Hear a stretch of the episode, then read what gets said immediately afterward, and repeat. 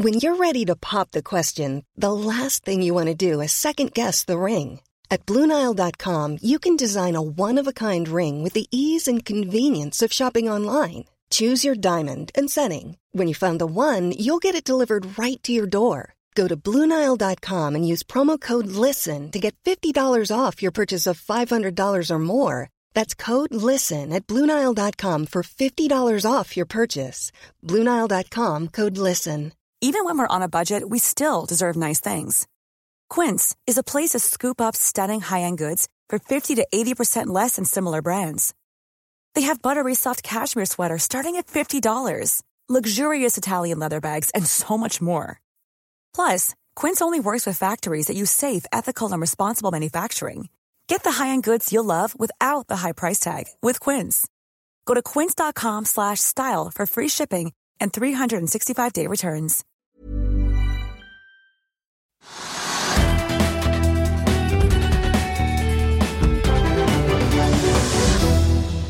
Velkommen til Økonominyhetene. Det er blitt tirsdag 11. april, og vi går rett på hvordan det står til på, i markedene. Oslo Børs, hovedindeksen er opp 0,8% til 1205. Og oljeprisen den holder seg over, ja, holder seg nær 84 dollar, 83 dollar 98 cent nå, ned 0,4% På børsene i Europa så er det også ja, det er svakt opp. Det er opp 0,3% i eh, London, opp 0,3% i Frankfurt, 0,8% opp i Paris. Så er det opp 0,6% i Milano. I Madrid er det ned 0,8% Og Stox 600 den er opp 0,4% Futures i New York tegner på at det blir en flat åpning. Eh, Dow Jones ser ut til å kunne åpne opp 0,02% Det er helt flatt.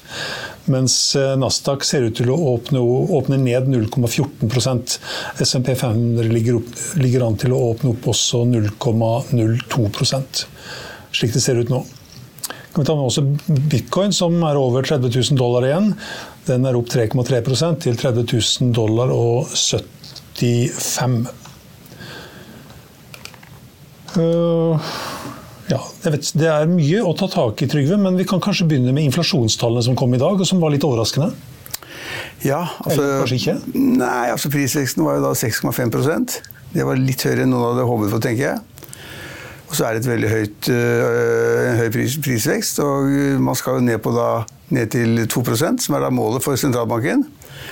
Og det er veldig langt mellom 2% og 6,5% Og dessuten, så hvis jeg ikke tar helt feil, så er da de 6,5% det er etter da man har hatt glede av subsidieringen av strømprisene. Mm. Hvis man da ikke hadde hatt subsidiering, hvor høyt hadde det ligget da? Ja, det hadde kanskje blitt over 8? 7-8 eller sånt, ja. ja. Det er, klart, det er jo en veldig høy prisvekst. og det er klart Norges Bank og sentralbanksjefen de er helt innstilt på at man skal ned på målet. Og det målet er, og det er liksom ingen tvil om, man kunne liksom da ha en diskusjon faglig om det, men Norges Bank det er ikke noen diskusjon om eh, det sa hun i, i sin årstale, og hun sa det etterpå. Ingen, man skal ned på dette målet på 2 og da må man bruke de midler som er nødvendige. og Sentralbanken har bare pengepolitikken, dvs. Si en høyere rente. Så den prisveksten vi har nå, den tyder på at vi får en klart høyere rente. Det har vi, det har vi visst lenge. Den skal opp fra 3% til 3,5% altså to ganger 25 poeng. Eh, nå får vi helt sikkert det. Så da vil kanskje styringsrenten i Norge gli mot opp mot 4% eller sånn nå. Det, da begynner folk å merke det ganske kraftig på de lån de har når det gjelder boliglån og andre lån. Så at det tallet som kom i dag, var ikke bra. Det bekrefter at det er litt verre i Norge, og kanskje også i mange andre land, i hele EU, at prisveksten er for høy. og Man får det ikke ned, og man får det ikke ned bare med da, å bruke pengepolitikken. Mm, og vi ligger over USA. Det kommer inflasjonstall eh, fra USA i morgen. Ja. Og Der er det venta at den faller litt. Det er klart det kan, det kan gå motsatt vei, men den lå på 6% da i forrige måned. Og så er det venta ned til 5,2 ja, da, det, da, er man veldig optimistisk, tror jeg. Ja. Men det blir renteheving i USA òg? Det blir renteheving i USA. Mange har håpet at det ikke ville bli det. At liksom, sentralbanken tar en sånn soft landing. At man da liksom ikke kjører et løp som ender med en kraftig resesjon, som man da kan frykte i USA, som man kan frykte i, i EU også. Ikke i Norge. Men vi får ikke noe stor vekst i Norge heller. Og, og vi har ikke da begynt på den tøffe kuren som vi vil komme til å få. Så jeg synes det er bekreftelse på at de som har sagt resesjon, resesjon, resesjon, de har kanskje overdrevet litt, vært litt for høyrøstede. Men vi går mot en periode hvor man på en måte, for å få bukt med denne, denne, prisveksten, så må man på en måte stramme til i økonomien, og da blir det lavere aktivitet. Og i mange land så kan det bli negativ eh, BNP. Mm. Eller pluss minus null. Men lønnsoppgjøret det blir vel kanskje ikke så veldig stramt? Det er et godt spørsmål. Der, der er det en pussighet. at det, det, oppgjøret som man nå har begynt på, så har da ikke da LO fortalt offentligheten hva de krever. Så liksom, vi vet at de kommer til å kreve minimum 4,9% Kanskje 5,1, 5,2, 5,3. Det vet vi, for de sier at de, skal, de må minst ha, liksom da, holde, real, holde reallønn intakt.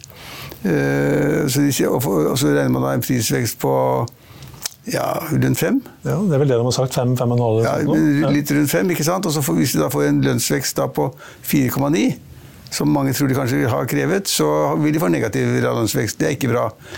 Så jeg vil tro at LO har krevd 5,5 som, et utgangspunkt, og så krangler seg ned til 5,2-5,3. Men de har ikke fortalt offentligheten om det. Det syns jeg er ganske pussig. Vi vet at de forhandler. Vi vet at de forhandlet før påske. Vi vet at de må være ferdig med forhandlingene innen søndag.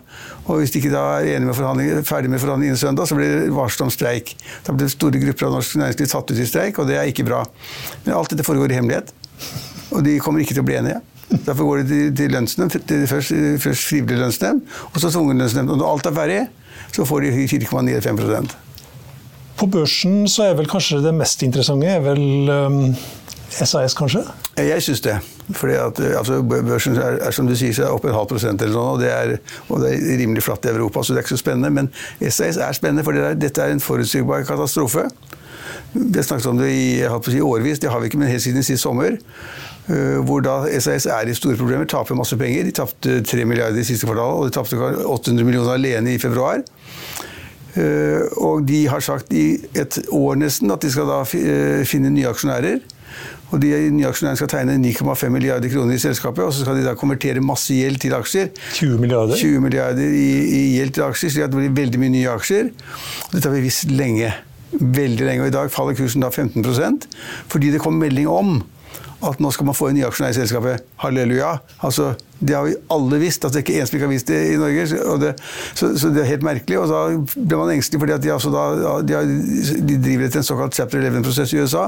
Det vil si at man kan ikke slås konkurs, man driver videre med en viss form for finansiering. Og så vil da denne såkalte bostøyen finne ut om man kan på en måte ha en overlevelsesevne eller ikke. Og da driver man med det, da. Og da må man skaffe nye penger, nye aksjonærer. Man må konvertere gjelden til aksjer osv. Og I de tilfellene vi har sett på tidligere, og som vi har snakket om et halvt år, så vil da de gamle aksjonærene i ESA sannsynligvis få ingenting. Men ofte så er det slik at da i den type prosesser så får de gamle aksjonærene kanskje 4-5% av selskapet etterpå. Her får de sannsynligvis null, og kursen var 34 øre i dag og den går mot null. Hvis man da er aksjonær i ESA, så er det ren spekulasjon på at 34 øre skal bli 50 øre. 34 øre skal bli 40 øre. Og det er prosentvis vekst, og man tjener penger på aksjene, men det er bare tull. For Risikoen for at de får null, er veldig stor. og Jeg vil ikke tegne fem øre i SAS, og det er veldig synd. Det er et stort selskap. Det er en lang historie tilbake til 1936. Eh, og Norge gikk inn der på 40-tallet etter krigen i selskapet og vært aksjonær inntil da for et år eller to siden, hvor de trakk seg ut.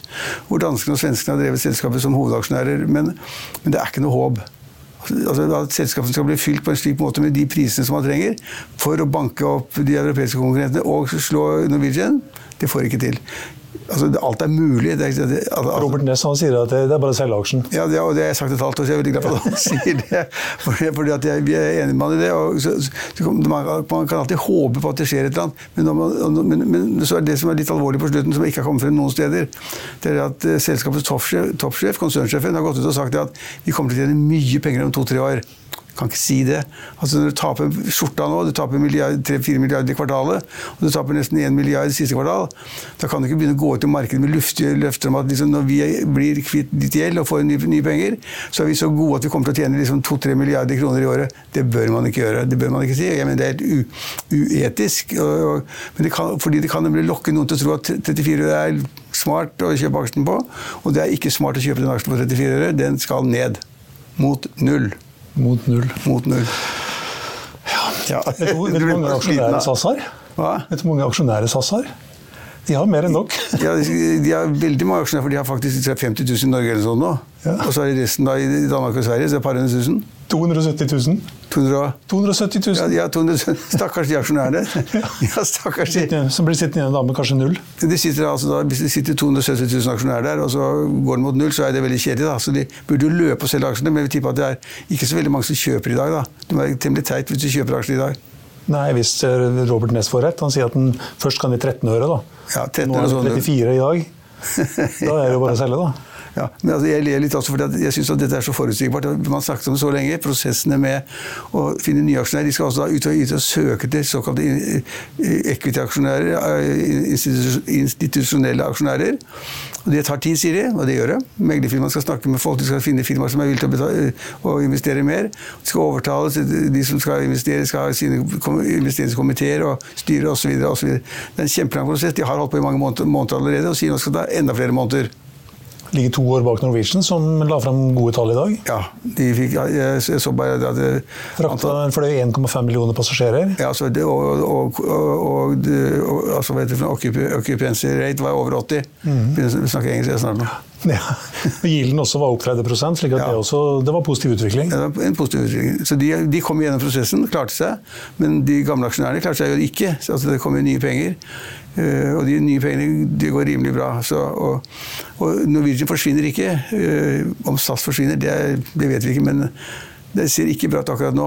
man kan, altså Hvis man tenker seg at noen skulle gå inn med penger, da er så modig å gjøre det, eller, eller lever av å putte putt og investere i den type selskaper som er på knærne, så vil de kreve alt. De kan, altså, vi kan godt legge 9 milliarder på bordet her, men da må de gamle aksjene sitte der. Ut helt, og de kan sitte, i møte og en hyggelig samtale og si så, sånn er det bare. Hvis du ikke liker det, så fine. Vi behøver jo ikke investere hos deg. Men hvis vi skal investere, så er de gamle aksjonærene ned mot null. Sånn er det de forhandlingene foregår. Ligger to år bak eh, SAS i rekonstruksjon. Ja, Norwegian. Bak Norwegian. SAS, eller Norwegian begynte med fem fly, og nå har de 67. Det er det er ganske fort. Det er godt gjort. Og de får eh, totalt før sommeren så skal de få inn 11 Boeing 737 maks 8 fly. Men hvorfor skal man være i flybransjen? Det er verdens tøffeste bransje. Det er- krever masse kapital. Store leier hvis man leier flyene. Der. Og hvis, hvis du er smart, så dukker det opp et nytt selskap ved siden av deg som skal gjøre akkurat det samme. Ryanair eller tyske selskaper. Det er amerikanske selskaper. De dukker opp hele tiden. Og verden er full av fly. De står parkert, og de flyr, og det er overalt. og det er Plutselig så kommer det en pandemi, eller så kommer det en askesky. ja, ja, ja, men altså, noe må man gjøre. Man kan ikke, alle kan ikke drive melkebutikker. Men, men, men, men, det, er- men det er et godt spørsmål. Hvorfor skal man være i flybransjen? Ja, eh, Norwegian den var vi så vidt innom. Aksjen den er eh, Skal vi se om vi finner aksjen her, da. Jeg tror den var eh, ja, ned en prosent. Ja. Men den er jo opp, jeg tror den er opp 40% hittil i år. Vi har et, enda et morsomt selskap i dag, som du kan mer enn meg. Det er mulig. Ja, det tar taperen som er ned over 35% eller sånn. Jeg kan ikke så mye om det. Vi er jo bare sirkus. Delta Excel, hva de kaller seg. Ja, det er teknologiselskap innenfor ja. innen kryptoverdenen, tror jeg. Ja, ja, men nå sier du stikkordet. Det er jo bare juks. Altså, det- Hvis du husker litt tilbake, så var det jo et gruveselskap. Ja. De drev et gruveselskap, og de tjente, tjente ikke noe penger på det. Gruveselskap i Telemark eller noe sånt. Det var bare tull. Og så, ble, og, og så gikk det da fra å være gruveselskap til å bli til å bli da et tech-selskap, eller et, eh, litt mer spennende. De skiftet navn. Det het et eller annet, hva het det igjen? Eh, Nå heter det i hvert fall DLTX. DLTX, ja, men det selskapet het noe helt annet. Det het Sammensurium eller sånn. Jeg husker ikke. Men så skiftet de for det er mer spennende. Og selskapet har ikke vært mer enn noen 60 millioner kroner eller sånn nå. Og de har i det siste vært involvert i de rareste transaksjonene du kan tenke deg. Skaffe ny kapital i øst og vest. Jeg Har ikke fått det til, bare surr. Ja, Du fikk vel inn 25,5 millioner da, Ja, i går. ja, men da dumpet, Til én krone, dumpet de kursen til én krone eller sånt, og de gamle aksjonærene ble sikkert kjempesure. Og samtidig så solgte de en del av eiendelene sine, som er ganske viktig å ha, til da hvem? På kjøpersiden styreformann. Han tok over det og gjelda. I Amerika ville de bli satt i fengsel hvis de gjorde det, så, så det går jo ikke. Og så trakk han seg, så vidt jeg vet, eller han ble sparket. Nei, ja, det ble jeg enig i går. Ja, ok, men han, i fall, han var på kjøpersiden, og de aktapost de hadde, da. Og det er ikke så veldig mye akta hvis du da hele selskapets verdi er 60 millioner. Det skulle ikke være mulig, og det selskapet forsvant jo da fra Oslo Børs til, da- til, til USA, på Nasdaq-børsen. Og Der er det visstnok fjernet nå. De har fått siste frist de, de kommende dagene. Bare surr. Apropos surr. eh, Calera, den her eh, salatfiaskoen nå, det har også vært mye surr. Ja, altså Den har jeg også likt å øh, følge med litt på. for De skulle da produsere salatblader vertikalt. Jeg vet ikke hvordan de går, men normalt så er salatblader i jorden bortover. Skulle de henge i taket eller sånn og lage salatblader pluss andre grønnsaker. Fikk med seg Stein Erik Hagen, Erik Bøhler, Ja. proffe investorer. og De trodde på da disse salatbladene. Og selskapet var på et tidspunkt nå må du få arrestere meg, men de var på et tidspunkt verdt 5 milliarder kroner. Noen sa det var 10 på salatblader. Da, så da er du ganske grønn. så, så, så, så øh, og, og, og, og, øh, hva, hva verdien er nå, vet jeg ikke, men øh, det er ikke mye igjen i hvert fall. Nei, 15-20 millioner eller sånt. Ja, av et selskap som noen mente var verdt 5 milliarder og 10 milliarder. Det er godt gjort. Men skal man si det at skal man ikke få lov til å prøve det? Jo. Man skal få lov til å prøve det hvis man bruker egne penger, og det har disse investorene gjort. Øh, Men det er jo pussig at i ettertid å se at hvordan kunne de trodd at man kunne tjene så mye på sal- salatbladene? Altså, hvem skulle betale for det? For sånne salatblader? Jeg vet ikke om det var gulrøtter, tror jeg, men, men Grønnsaker og urter og urter Urter var det også, ja. ja, ja, ja. Det var ikke et eller annet tak de viste frem hvordan de kunne gjøre det? Sånn. De, om det var i Norge, er jeg ikke helt sikker på, om de viser frem et tak. Mm. Her kan vi lage salatblader. Så det, I dag på Oslo Børs synes jeg er ganske morsomme, eh, morsomme ting. Da. Spennende ting med de selskapene som er helt surrete.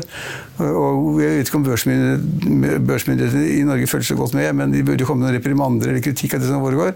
Men det hører ikke et ord. Nei. Nei. Eh, Borr Drilling har fått en eh, avtale. Jeg tror de nå tror jeg faktisk de har nesten alle riggene sine i aktivitet. Ja, jeg, I hvert fall på, på, jeg har ikke fulgt ut så nøye de siste, Nei. men de har fikk da sluttet alle riggene i par år, et par år. Ja. Ja, alle er vel til, til og med tredje kvartal i år, da, slik at tidshorisonten er vel ikke Ja. superlang. Men du er jo avhengig av raten, da. Og kursen har falt i dag, så det tyder på at raten ikke er så veldig god. Markedet bestemmer seg noe. Markedet bestemmer alltid. sikkert noen som hadde venta at det skulle være bedre. Ja. Det var vel en eh, drøy milliard for uh, to års jeg, Ja, altså, jeg vet ikke, Tor Olav Trøim, som leder selskapet og, lager, og stifter selskapet, han er kjempeflink. Han er helt rå til å skaffe penger, men uh, det er markedet som bestemmer kursen. da. Ja, jeg kan også ta med at um, Acetec, som gjennomførte en kostbar emisjon i mars, doblet seg på ei uke før påske, men eh, nå tar traderen gevinst og sender aksjen ned 26% i dag. Eiendomsselskapet Recreate, som Finansavisen bl.a. har skrevet en del om, Ja, det er et så, eh, ja, det er har ned 10 Ned 10 ja. Ja. ja. fordi at det er forgjeldet. Det Ned har 80 siste året. Ja, ja, det har vært kjent i lang tid. Jeg har skrevet det mange ganger. og Direktøren der ville ikke innrømme det. og Han eh, prøvde å skaffe, skaffe penger ved å selge eiendom og få andre til å investere, investere i selskapet. Men totalt forgjeldet selskap De kan sikkert overleve, men da er det ikke mye igjen av egenkapitalen. Tapte 400, ja, 400 millioner i, I fjor. fjerde kvartal, tror jeg. Fjerde kvartal. ja, Ja, ja, ja. Faktisk. Men det var en sånn lokal størrelse som kjøpte mye nede i Porsgrunn. Så begynte han selvfølgelig at det skal bli vokse, alt skal bli større. Og så kjøpte han da utenom, utenom Porsgrunn og i Oslo og så videre rundt omkring. Skaffet seg masse eiendommer, altfor dyrt og høy rente. Og nå som rentene stiger nesten hver dag innen det markedet, så har han ikke, ikke en sjanse, sannsynligvis. Kan også ta med at eh, Nordic Semiconductor er ned 5,5 Her har DNB Markets kommet med en oppdatering i dag, og de nedjusterer sitt kursmål fra 195, nei, til 195 kroner fra 230 og gjentar kjøpsanbefalingen. Eh, 195, aksjen er nå på 143 kroner akkurat nå. Det var vel eh, det viktigste, tenker jeg, vi har fått med oss på eh, Oslo Børs. Vi Kan ta med at eh, Equinor opp en 0,6 Aker BP 0,1 Hydro opp 3,2 Ja, akkurat, akkurat nå så er det litt sånn ro om oljeselskapene. og Det, det, det skyldes at OPEC kom ut i forrige uke og sa at de skulle, de skulle kutte produksjonen da med 1 million tonn. Mm. Fat, fat, fat, fat, fat, fat, og det er ganske mye. Og så har vi de tidligere vedtakene da, om andre som, Russland og andre som også skulle ned i produksjonen. Men åpenbart var det at OPEC gjorde dette nå for å få prisen til å holde seg eller gå opp. Så de fikk jo prisen opp fra 80 dollar per fat til 85 dollar per fat. Det er ganske godt gjort. Men det er jo store størrelser som sier at det ikke holder, og at den er også da ned i en dollar igjen siden dette skjedde. Og at oljeprisen skal ned av forskjellige årsaker. Så det, ja, OPEC kjemper for å holde prisen oppe, og det er det også andre som hjelper til med. Men, eh, men om det holder, det er jeg usikker på. Derfor er det også usikkerhet om oljeselskapene akkurat nå. Ja, Etter en kort pause så har vi med oss Kristoffer Eide Hoen i Veidekke, og vi skal få høre hvordan det står til i entreprenørmarkedet. Vi er straks tilbake. Vil du bli oppdatert på det viktigste som har skjedd innen finans og næringsliv? Da er det bare å følge med, for hver morgen er jeg, Marius Lorentzen og aksjekommentator Karl Johan Malnes på plass i studio for å ta tempen på dagens marked i Børsmorgen. Og hver ettermiddag oppsummerer vi alt du trenger å vite i økonominyhetene, og det blir selvfølgelig masse interessante gjester. Klikk deg inn på fa.no-tv, eller søk opp Børsmorgen og Økonominyhetene der du hører på podkast. Many of us have those stubborn pounds that seem impossible to lose, no matter how good we eat or how hard we work out. My solution is PlushCare. PlushCare is a leading telehealth provider with doctors who are there for you day and night to partner with you in your weight loss journey. They can prescribe FDA-approved weight loss medications like Wagovi and Zepbound for those who qualify. Plus, they accept most insurance plans. To get started, visit plushcare.com slash weight loss. That's plushcare.com slash weight loss. I'll see you in court. Vi sier det ofte litt på spøk, men for deg som driver business, er det aldri moro å innse at du ikke har laget en 100 gyldig kontrakt. Du bør ikke risikere hele firmaet ditt fordi du synes dette med kontrakter er litt stress. En avtale er ikke en avtale. Du kan miste kunder, miste venner, ja, til og med miste inntekter om du ikke lager en skikkelig kontrakt, på alt mulig, egentlig. Men vi vet det er et styr, kopimaskiner, tregprinter og haugevis av papir. Dessuten stoler vi jo på folk her i landet. Det er ofte litt kleint å skulle be om en signatur for alt mulig, ja, for mye av styret handler også om jakten på underskriften. Det finnes en enkel måte å løse dette på, Dukkobit. En trygg, effektiv og get this, gratis måte å sikre seg en god natts søvn pluss en juridisk bindende avtale. Dukkobit-appen har de strengeste sikkerhetskrav i bunn, samt en EU-godkjent og sertifisert teknologi.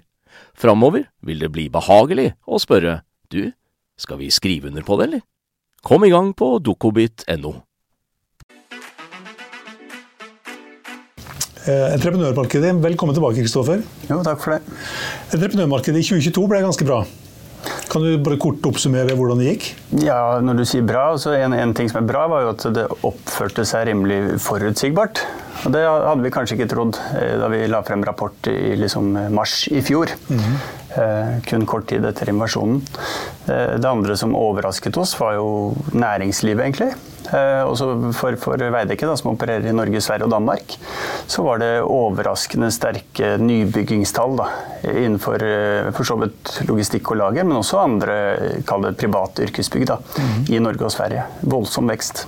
Så det, det, det kan vi jo kalle bra. Du ble overraska, du bomma litt?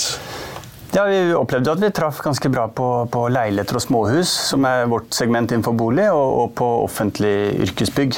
Eh, men, men, eh, jeg tror ikke vi hadde turt å, å, stå der i mars i fjor og, og spå at det, det, markedet skulle gå så kraftig. Mm. Det ser ikke like bra ut nå? For de kommende to årene? Nei, vi, vi la jo frem en, en, markedsrapport før påske, og den, den, tror jeg står seg brukbart eh, selv etter påske. Men, men uh, om det er nyhet eller ikke, jeg tror ikke det kommer noe som, som noe bombe at byggingen skal ned når, når renta skal opp. Det har vi vel sagt også i, i fjor høst. Og, og, at det blir lavere bygging fremover, det tror jeg vi må, det må vi liksom regne med. Men, men, men ja. Obos sa jo det at det er krise. Altså, for, et par måneder tilbake så sa jo OVOs toppsjefen, en ganske ærlig, ærlig mann, og fornuftig mann, han sa at det er fullstendig krise. Vi må legge liksom prosjektet med tusenvis av leiligheter i skuffen. Mm. Salget ned 70% Ja, men det, det, er jo for så vidt et godt poeng. det at En tredjedel av entreprenørmarkedet har jo vært eh, leiligheter og, eller blokk, da, ja. som Obos-sjefen selvfølgelig er, er opptatt av. Um, og vi, vi, jo har hatt gode ordrereserver å liksom tygge på som entreprenører. Det er klart Når du sitter i pipeline der med utvikling og, og salg, så har du hatt en, en eh, tøff høst. Og, og, kanskje enda tøffere enn en vi så for oss, med, med fall i nyboligsalget på over 50% sammenlignet med høsten 2021. Mm. Så det er jo klart um, at den, den, den dalen der i høst var dyp. Og så er det jo Hvis det fortsetter, så er det krise. Bygger ikke dere også leiligheter, da? Jo, jo, nettopp. Jo. Så, så, det er liksom vårt segment, dette med leiligheter og, og noe rekkehus eh, rundt omkring. da. Men primært blokk. Mm. Hvordan, ja, hvordan, er dine prognoser for det segmentet da i 2023-2024? Vi, vi, støtter oss på eh, tre fundamentale drivkrefter. Da. For å ta det kort, så er det jo netto innflytting eh, til byene rundt omkring. Ehm, så er det arbeidsmarkedet, og så er det renta. Eh, de, de, tre indikatorene tar opp i seg mye. Og, og, to av de tre er jo fortsatt kanonsterke. Altså både nettoinnflytting er, er høye tall eh, har holdt seg overraskende høye. Og, og, arbeidsmarkedet det er jo nesten problematisk at ikke ledigheten har, har begynt å bikke litt opp, i hvert fall. Eh, kampen om arbeidskraften holder seg jo enn så lenge høy. Um, og så, har vi jo, så Det er de to som fortsatt drar i positiv retning, og så er det jo renta, selvfølgelig. Da blir det enda større press på renten opp, da? Ja, Det er jo kanskje utfordringen hvis ikke vi ser avmatning i konjunkturene etter hvert. Da. Men det, er klart at, at det er ikke sikkert den bunnen vi så i høst, liksom er det vi skal se i 2022. Det tror jeg kanskje ikke. Vi har jo fått etter hvert en stabilisering, ikke minst, av, av bruktboligmarkedet. Det er jo ofte liksom, når, det stopper eller faller, da er det full stans i nybolig. Og det der preget 2022 på en annen måte enn, enn vi kanskje har sett ved inngang til 2023, hvor vi faktisk har hatt Vi har liksom funnet bunnen i bruktboligprisene. Har, I Norge har vi jo til og med sett uh, kanskje tendenser til økning igjen. Så, så med det der så kommer nok hjulene til å rulle litt bedre på på, på boligsiden enn, en vi så i høst. Da. Det er vår prognose. Derfor så tror vi jo eh, ja, det skal bygges mindre enn i, i de toppårene vi har bak oss. Men at det skal bli full stopp, det, det, har jeg ingen tro på. Men Er det noen entreprenører i dag som leverer inn noen meldinger til byplanen og sier at de skal bygge nye blokker nå? Nye? Altså som ikke er levert inn allerede? Det, det, ligger jo Det er ligger jo masse planer klare. Det kommer ikke til å mangle på, på planer den, den, dagen på en måte man ser at markedet er der igjen. Og, og, og eh, som sagt, jeg, jeg, tror ikke vi skal tilbake på de rekordnivåene var. Det, det, ikke, det ville være naivt å tro. Men, men her er det flokk eh, Men det er ingen som bygger på spekk? Det kan man ikke gjøre. Nei, det, det, gjør vi jo ikke i verken i Norge eller i liten grad i, i Sverige. Sitte halvparten, halvparten før dere setter i gang, eller? Ja, det, det, er jo en sånn vanlig tommelfingerregel. Ja. Nå bygger ikke, altså Vi utvikler jo ikke selv blokk i Veidekke lenger, sånn som vi gjorde for noen år siden. Så, så eh, andre får være eksperter på, på, akkurat de nøkkeltallene der. Men det, det, er jo riktig det du sier. Det er jo veldig lite på spekulasjon. Men, men du nevner ikke byggekostnadene. De også er jo opp 6-7-8 Det gjør jo at nyboligene blir mye dyrere? Ja, det var jo fjorårets store tema. Eh, veldig høy inflasjon i byggekostnadene. Tok jo ny sats etter, etter invasjonen. Eh, og, og, helt inn i 2023 så har vi jo sett eh, etterdønninger av, av f.eks. energiprisene som vi så i høst. Eh, siste, siste over, det var ikke noe overraskelse engang, men siste liksom voldsomme oppgang i byggekostnadene var betong siden januar. Da kom Norcem eh, sin prisøkning. Da de må varsle lang tid i forkant. Men, men nå, det, det, er på en måte etter, ettervirkninger. Så, så det, det, slår jo inn i 2023 og 2024 òg? Ja, men takten på en måte vi er på nå i byggekostnader er mellom 2 og 3 hvis vi ser de siste månedene. Og det, det er dit vi tror eh, vi skal eh, nå. Eh, når vi har tatt unna de verste økningene. Så, så betyr ikke det at kostnadene nødvendigvis skal ned. Det, det, kunne man jo forvente når man går ned inn i en, en lavkonjunktur. Men, men PT så er det jo ikke noen tydelige signaler om at de er på vei ned. Eh, det som har skjedd i, i boligsektoren særlig, er jo at nyboligprisene faktisk har, har økt så mye at, at, det der eh, har man liksom klart å ta unna. da. Så, men det er ikke noe tvil om at kalkylene nok er strammere hos utviklerne nå, så, så, at det blir færre prosjekter enn, enn det vi har sett de siste to-tre åra, det, det, tror jeg er en god prognose. Men at det skal bli så mørkt som i høst, det, det virker rart, da. Men er liksom alt mulig blitt dyrere? Planker og spiker og sager og Ja, ta en 2-4, da. Den klassiske. Den, den, var jo gjerne på en, tolv 12 kroner, da. 10-12 kroner før, si før korona. Og så gikk den jo opp i 25-27 kroner. Og nå er den nede på 17, så det er jo liksom planke... Hva er standardlengden da? Fire meter, eller? Ja, det, det Nå må du ikke spørre for vanskelig, makroøkonomen. Eh, men, men, eh, vi er jo godt ned igjen fra toppnivå, men vi er jo fortsatt over på, på trevare. Så er det jo andre, andre ting som har dratt opp nå i høst, da, som gjorde at kanskje inflasjonen har vært mer standhaftig enn det vi trodde. Med, med energiintensive produkter. Da. Ta vinduer, ta, ta, dører, ta plater, og ikke minst betong. Da. Mm. Men, men, vi oppfatter jo at dette er eh, delvis i hvert fall etterslepseffekter av, av energi, veldig høye energipriser i høst. Er det noe som har blitt billigere? I byggeprosessen? Ja, enn det var før det var, eh, I fjor sommer eller går det et år tilbake. Er, er, er, det noe som har blitt billigere? Skjer det? Jeg, jeg, tror ikke vi har sett eh, det på, på noe område enda. Eh, men en del var jo veldig høyt. Ta armering, da, som vi bruker mye av. Ta, ta, diverse stålprodukter og trevareprisene var jo veldig høyt, og så har det gått litt tilbake. Men vi er ikke tilbake på liksom, kall det normalnivå. Da, hvis det er noe som Arbeidskraften blir ikke billigere neste år? Nei, men den har jo vært et anker for disse byggekostnadene med liksom en, ja, utgjør en halv, halvparten da, av, en, av blokkostnaden vår. Da. Um, og, og, når den da ligger i, i landskapet 3-4, kanskje hva var det du sa, 5% i år, så blir det fortsatt et, et slags anker for uh, totalveksten. Da. Mm. Så den, det, det, er ikke den som bekymrer mest. Um, I hvert fall ikke enda. Det, ja. Nye krav fra EU for eh, bygging også påvirker vel nå? Det hever vel byggkosten det òg? Ja, altså Det er en forventning om at det kommer et stort uh, rehab-marked inn i, i, det europeiske markedet. Vi gjenstår nok å se liksom, detaljene i det der. Min, min erfaring med det som skjer. Jeg tenker på nye krav, jeg. Altså til nybygg. De, de EU-kravene hvor man måtte rive halvparten av husene? Ja, ja det, det, tror jeg ligger litt lenger frem i tid. og så er litt usikker på, Det er ikke det, ikke, det, er ikke det som har truffet oss eh, nå. Eh, men, men, at det kan gi et stort rehabiliteringsmarked eh, når vi ser frem mot 2030, det er det jo ikke bare vi, men også våre analytikere og mange som følger markedet, som, som har en tro på. Da. Egentlig med positivt fortegn for entreprenørbransjen. Da. Men alle nye bygg skal jo være grønne bygg, og de skal BRIM-sertifiseres. og det, vel, det, påvirker vel litt, det òg? Jeg tror Én ting er EU, men, men altså ta, ta, en annen side av det, der, som er, kostnaden per CO2-kvoteutslipp, som nå har bikket over 1000 kroner. Eh, så, så lå på 100 kroner bare for to-tre år siden. Det er klart at Den type kostnader eh, For det første, den er jo en veldig effektiv mekanisme for å, for å påvirke oss. Eh, og på, på, nivå 1000 kroner så begynner det å, å bety ganske mye. Veidekke slapp ut ca. 1000 tonn hvis vi tar hele verdikjeden i fjor.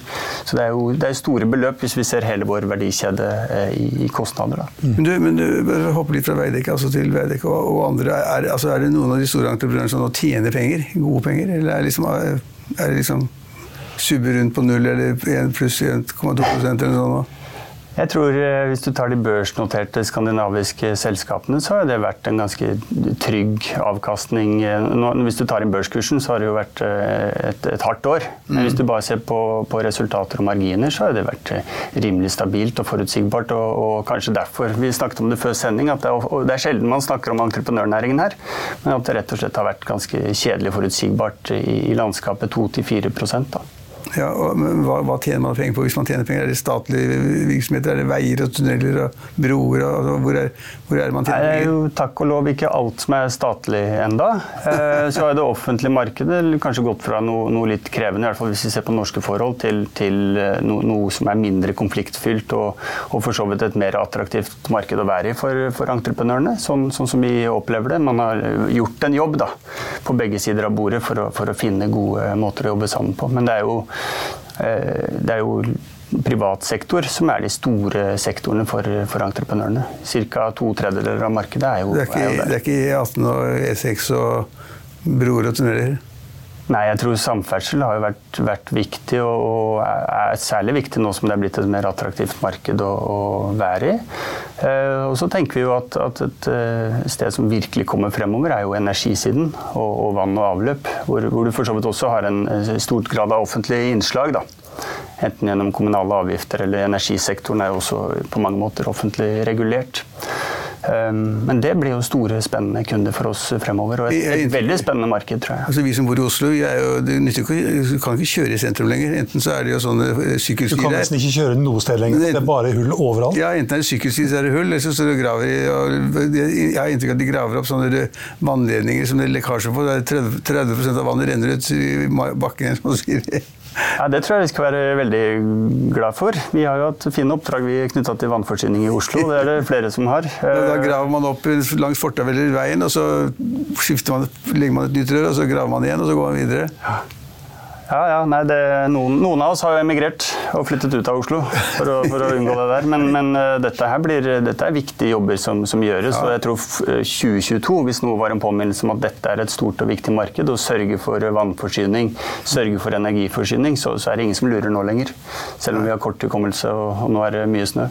Står det veidekke på disse her brakkene for, som bygger denne vannforsyningen til Oslo? Gjør det det? Eh, det, det, gjør ikke det. Det ikke det. Det, ikke det. det må andre ta. Det, det, det Trygve beskriver må andre ta ansvar for. Men... Husbysektoren, altså Huseby skole oppi der. Ja, ja. De, de, de, smeller så, de, smeller så, mye at jeg hører hele på Ullern hos meg. Drønner i bakken. Det er et kjempeprosjekt. Hvem er det som har det prosjektet, forresten? Ja, det er vel Skanska som har, har det, og så er det AF-gruppen som driver og, og, graver ut rør i, i Oslo. Da. Ja. Og Det tror jeg vi alle skal være glad for, selv om vi, vi selvfølgelig kunne tenkt oss å ha hatt den jobben, vi. Ja, Hvis hver eneste meter med rør i Oslo skal graves opp fordi det, det lekker overalt, så er det en fin jobb å ha fremover, da. Ja, det er et langsiktig arbeid. Helt til slutt, Kristoffer, hvordan, hvordan ser du sysselsettingen i entreprenørbransjen ser ut fremover de to neste årene? Jeg, jeg, tenker at den eh, skal ned. Den skal nok mer ned i Sverige enn i, i Norge. Og så er det bakteppet at, at, vi har jo hatt en 10-15% vekst i sysselsetting de siste fire-fem åra eh, her i landet. Og for så vidt også i, i Sverige, eh, selv om ledigheten liksom var på rekordlave nivåer. Så det, det, med mangel på folk har vært et mye større problem. Så det, det er ikke noen sånn stor bekymring at, at kampen om arbeidskraften blir mindre. Det tror jeg, vi, det tror jeg bare gagner alle. Tusen takk for at du var med oss igjen, Kristoffer. Ja, skal vi ta og titte på hvordan det står til på børsene. Hovedindeksen på Oslo Børs er fremdeles opp 0,8 eh, til 1205. Og på børsene i New York der ligger an til å åpne flatt fremdeles. I Europa så er det heller ikke store endringer. Det er omtrent som det så ut da vi starta sendingen. Og bitcoin er fremdeles over 30 000. 30 100 dollar nå, opp 3,4% det var økonominyhetene her på Finansavisen på denne tirsdag 11. april. Vi er tilbake igjen her med Børsmorgen klokken 8.55 i morgen. Da har vi med oss porteføljeforvalter Terje Nyborg i NEF kapitalforvaltning. Husk også at de siste nyhetene får du minutt for minutt på finansavisen.no. Mitt navn er Stein Ove Haugen. Tusen takk for at du så på og hørte på, og håper du er med oss igjen i morgen også.